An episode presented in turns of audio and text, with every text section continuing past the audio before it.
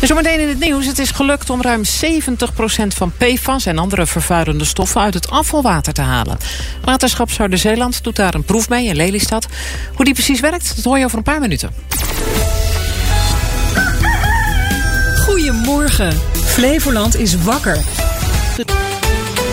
Bij een proef in Lelystad is het gelukt om ruim 70% van het PFAS en andere heel kleine vervuilende stoffen uit het afvalwater te halen. En dat is bijzonder, want ja, tot nu toe lukte dat eigenlijk niet. En omdat water in principe steeds opnieuw gebruikt wordt, hoofden die stoffen zich snel op. Het is ongezond om te veel van die stoffen binnen te krijgen. Het waterschap Zuider-Zeeland is een jaar aan het testen met een nieuw filtersysteem en is optimistisch. Bernadette Lohman van het waterschap over de uitkomsten van de proef. Nou, we zijn wel heel blij met het resultaat. We hadden eigenlijk gehoopt dat de resultaten zo goed zouden zijn dat je alvast meteen naar de volgende fase kunnen zijn. Uh, dat is niet helemaal het geval. We hebben nog wel wat optimalisatie nodig. Zeg maar dat de techniek langere tijd goed blijft werken. Het filter dat gebruikt wordt is gemaakt van bewerkt maïszetmeel, waar PFAS en andere stoffen zich aan binden. Bij de proef is ontdekt dat het heel goed werkt tijdens de eerste maanden dat er water doorstroomt, maar dat het daarna snel minder effectief wordt. We hebben gezien dus zeg maar dat de contacttijd, dus de tijd dat het water met het absorptiemateriaal in contact is, of er doorheen stroomt, dat is in de pilot was dat korter dan dat we van tevoren hadden gewild of hadden berekend. En dat komt doordat er eigenlijk kleine gultjes zijn ontstaan. Of daar gaan we vanuit dat er kleine gultjes zijn ontstaan, waardoor er dus minder tijd is om dan dat de microverontreinigingen en PFAS zich aan dat dekzorp, dus aan het absorptiemateriaal konden hechten. Het waterstrap gaat ervan uit dat ze met aanpassingen het systeem beter kan maken. De proeven gaan door bij een ander waterschap waar nog meer microvervuilingen in het water zitten. En we moeten ons sowieso niet te rijk rekenen, zegt Lohman. De echte oplossing zit natuurlijk erin dat we gewoon geen PFAS meer hebben. Want uiteindelijk blijft het echt heel moeilijk om PFAS uit het milieu te halen. Want ook met deze techniek halen we wel PFAS uit het afvalwater, maar zit het aan het absorptiemateriaal. En heb je absorptiemateriaal met PFAS, en dat is een kleinere hoeveelheid, maar dat moet nog steeds ergens verwerkt worden. En nu is alleen verbranden bij uh, hele hoge temperaturen, boven de 900 graden, kan dat dan echt, uh, ja, dat het helemaal omgezet wordt. Maar dat is tot nu toe de enige methode. En dat was Bernadette Lohman van het Waterschap Zuider-Zeeland. Vroeger heette het de CITO-toets en de afgelopen jaren werd het de eindtoets genoemd. Maar de leerlingen van groep 8 die krijgen nu met iets anders te maken, de doorstroomtoets. Deze nieuwe toets wordt eerder in het schooljaar afgenomen. Ja, er moet voorkomen dat een kind op het laatst wordt klaargestoomd om maar zo hoog mogelijk te scoren. Minder stress, minder paniek dus, vertelt Karin Druisema van de Almeerse scholengroep. Ik heb niet de illusie dat we nu in één keer alle stress wegnemen. Dat zal ook niet gebeuren. Ik hoop wel dat het bijdraagt aan uh, minder paniek. Um, uh, het gaat niet om een zo hoog mogelijk niveau. En hoog mag ik eigenlijk helemaal niet meer zeggen. Ik denk dat we steeds beter moeten gaan kijken um, naar wat, wat een leerling in zich heeft. Uh, het potentieel van de leerling. Dus het zal niet in één keer uh, veranderen dat die paniek weggaat. Maar er kan nu minder tijd aan bijlessen, extra van alles georganiseerd worden om er maar het beste uit te halen. Daar, daar zijn we nu denk ik wel vanaf. Hoop ik. Maar kleeft er ook een nadeel aan deze nieuwe vorm van toetsen?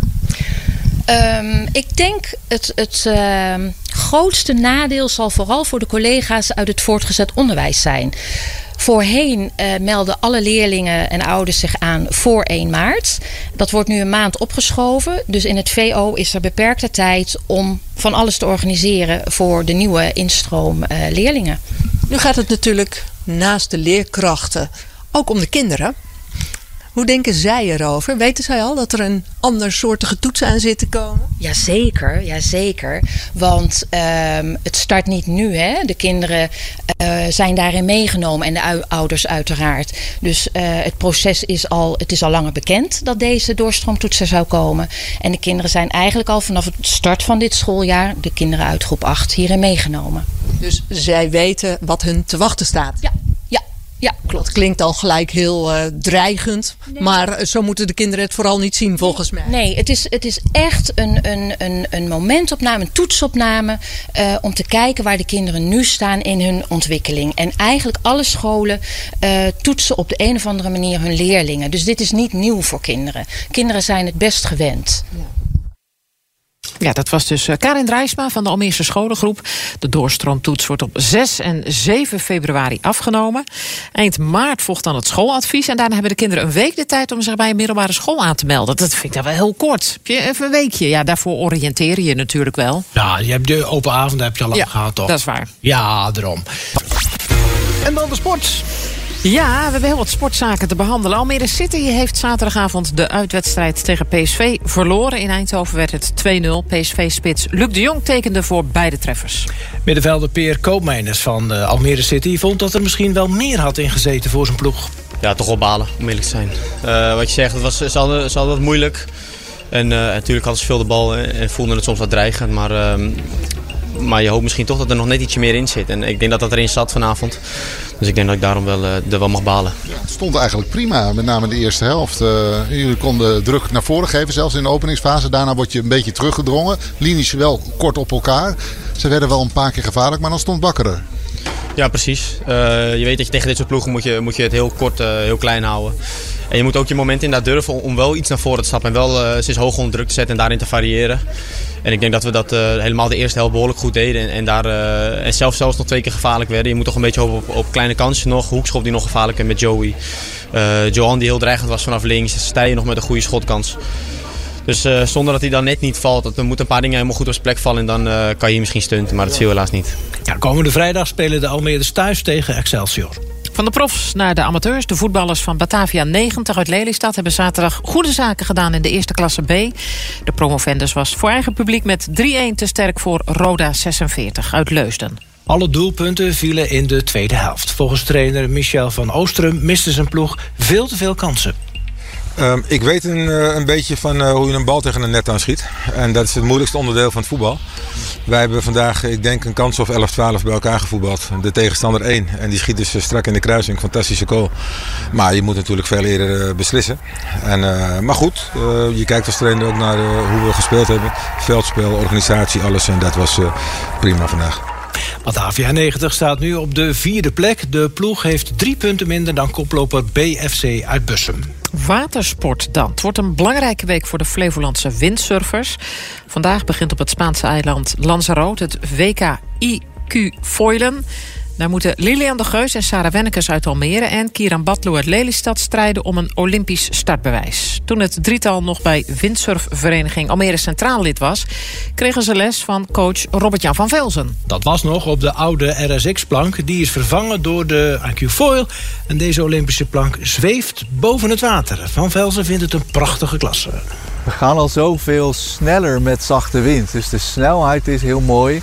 Maar het allerleukste vind ik zelf nog is de nieuwe spelformat die we spelen.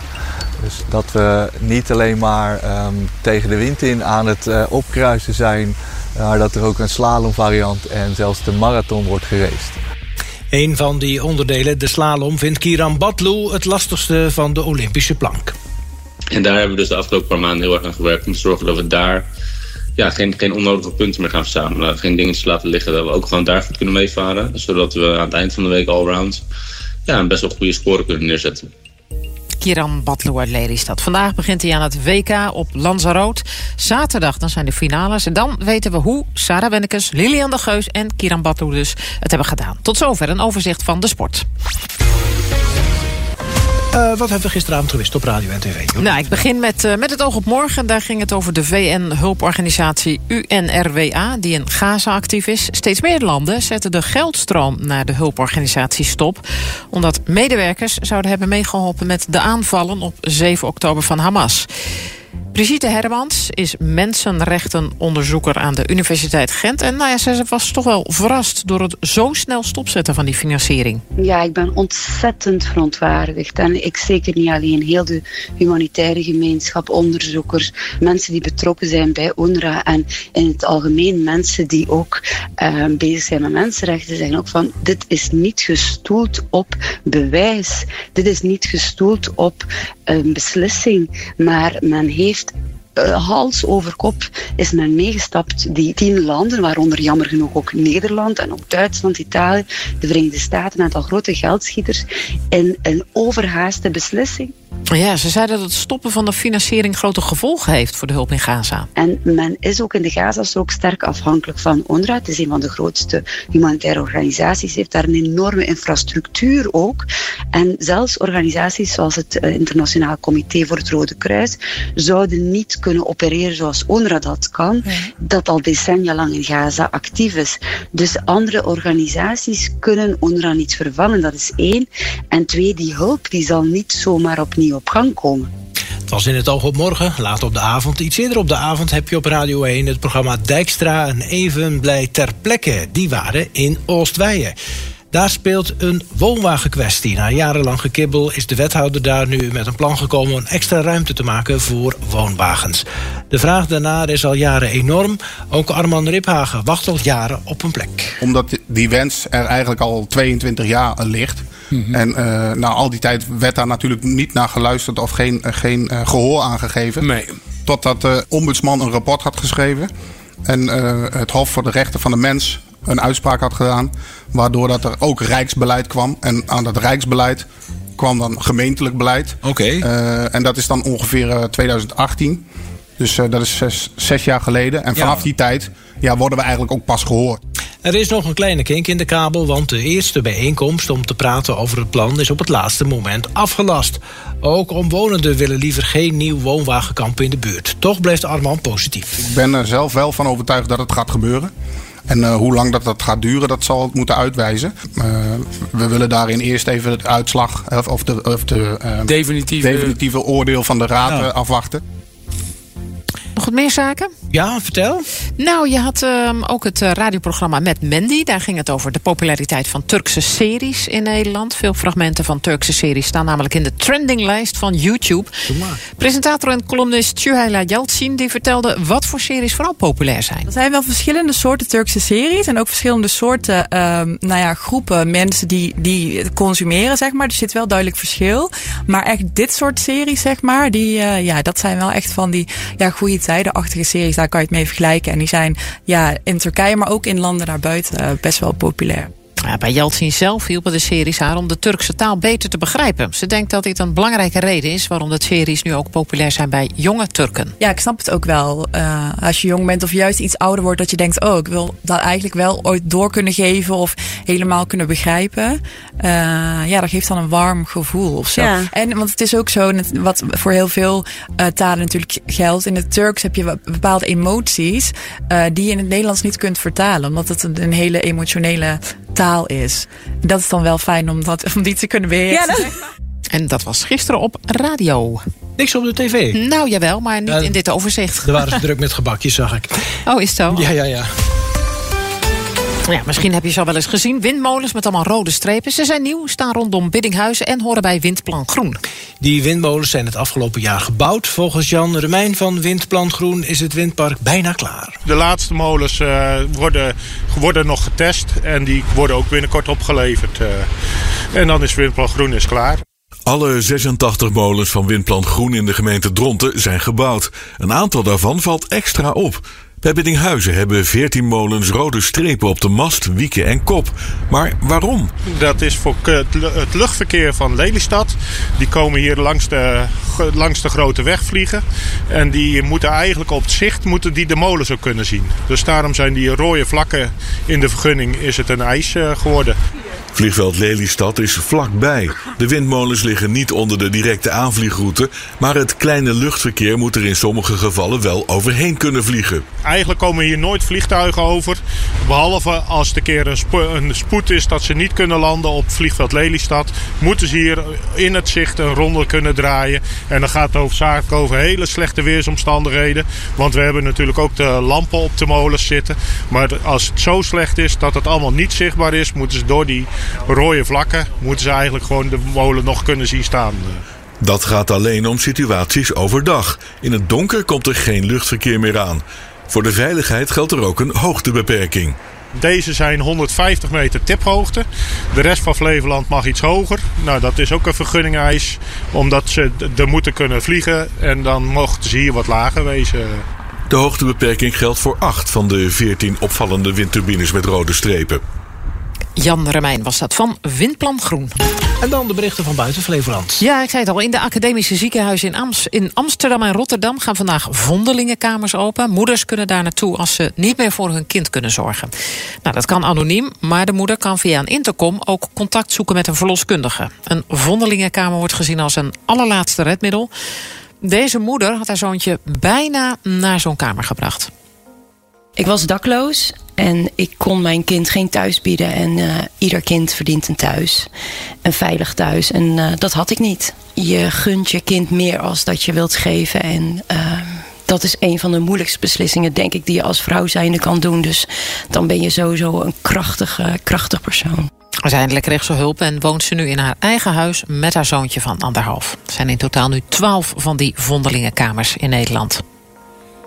Ruim 100.000 mensen hebben dit weekend meegedaan aan de tuinvogeltelling. Bij de laatste tussenstand stond de huismus op nummer 1, gevolgd door de kool en de pimpelmees.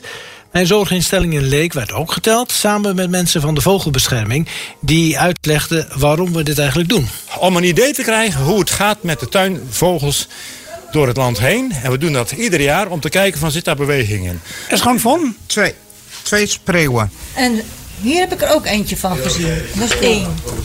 Een Turkse... Een Turkse tortel. tortel. Vind je dat mooi, dat uh, ja. vogelski? Oh. Ja, van hartstikke leuk.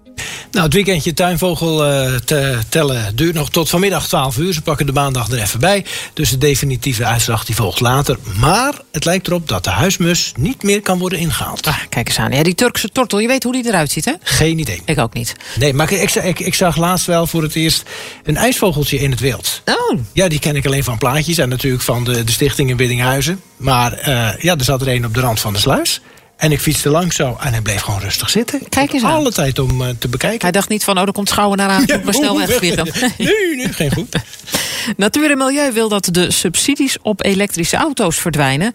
Omdat er volgens de Milieuorganisatie betere alternatieven zijn. Ze ziet bijvoorbeeld liever dat mensen 2000 euro krijgen... als ze hun oude brandstofauto laten slopen. Daar staat dan wel tegenover dat ze vijf jaar lang geen brandstofauto meer mogen kopen. Hè? Ja, dat noemen zij een beter alternatief. Wat, wat, wat, een, wat een bedeelzucht. Ik weet niet hoe je het krijgt bedacht, op, maar oké. Okay. Natuur en Milieu denkt dat dit een goede maatregel is, Leo. Ja, ja, dat ja. je er vooral oudere auto's mee van de weg haalt. Als je kijkt naar welke auto's het meest vervuilend zijn... dan zijn dat met name de auto's die voor 2005 gebouwd zijn. Dus als je daar echt een slag kan maken dat je die van de straat haalt... dan maak je echt een behoorlijke klapper. Ja, moet je ook wel even bedenken waarom mensen in zo'n oude auto rijden. Ja, dat is en, niet voor niks. En wat het weer kost om een nieuwe te maken. Ja, maar die mensen zijn natuurlijk blij dat ze nog een autootje op de weg kunnen houden. Ah, natuurlijk. Uh, werkelijk. Nou ja, volgens de Milieuorganisatie zijn elektrische auto's nu alleen weggelegd voor mensen met een hoger inkomen. Voor anderen blijft die te duur, ook met subsidie. Moet jij Daar is natuurlijk wel weer een punt. Moet jij eens opletten. De eerste range Tesla's komt uit de lease. Die gingen 19 ja, in de klopt. lease, die komen ja. er nu uit. Er die staan komen nu in de verkoop. bomvol met oude Tesla's. Ja. En die prijzen die zakken alleen maar enorm. Dat doet Elon Musk zelf met die nieuwe. Dus die tweedehands die zakken na van hand mee. Ja, dus dat zou nog een optie zijn. Dus dat je inderdaad uh, je oude brandstofauto uh, laat slopen. Dat je subsidie krijgt. Ja. En misschien ook nog wat extra, extra korting uh, op een elektrische auto dan. Ja. Dan ben je er toch? Ik zou zeggen, pak je kans. Ja. Nee, dat waren ze. De berichten van buiten Flevoland.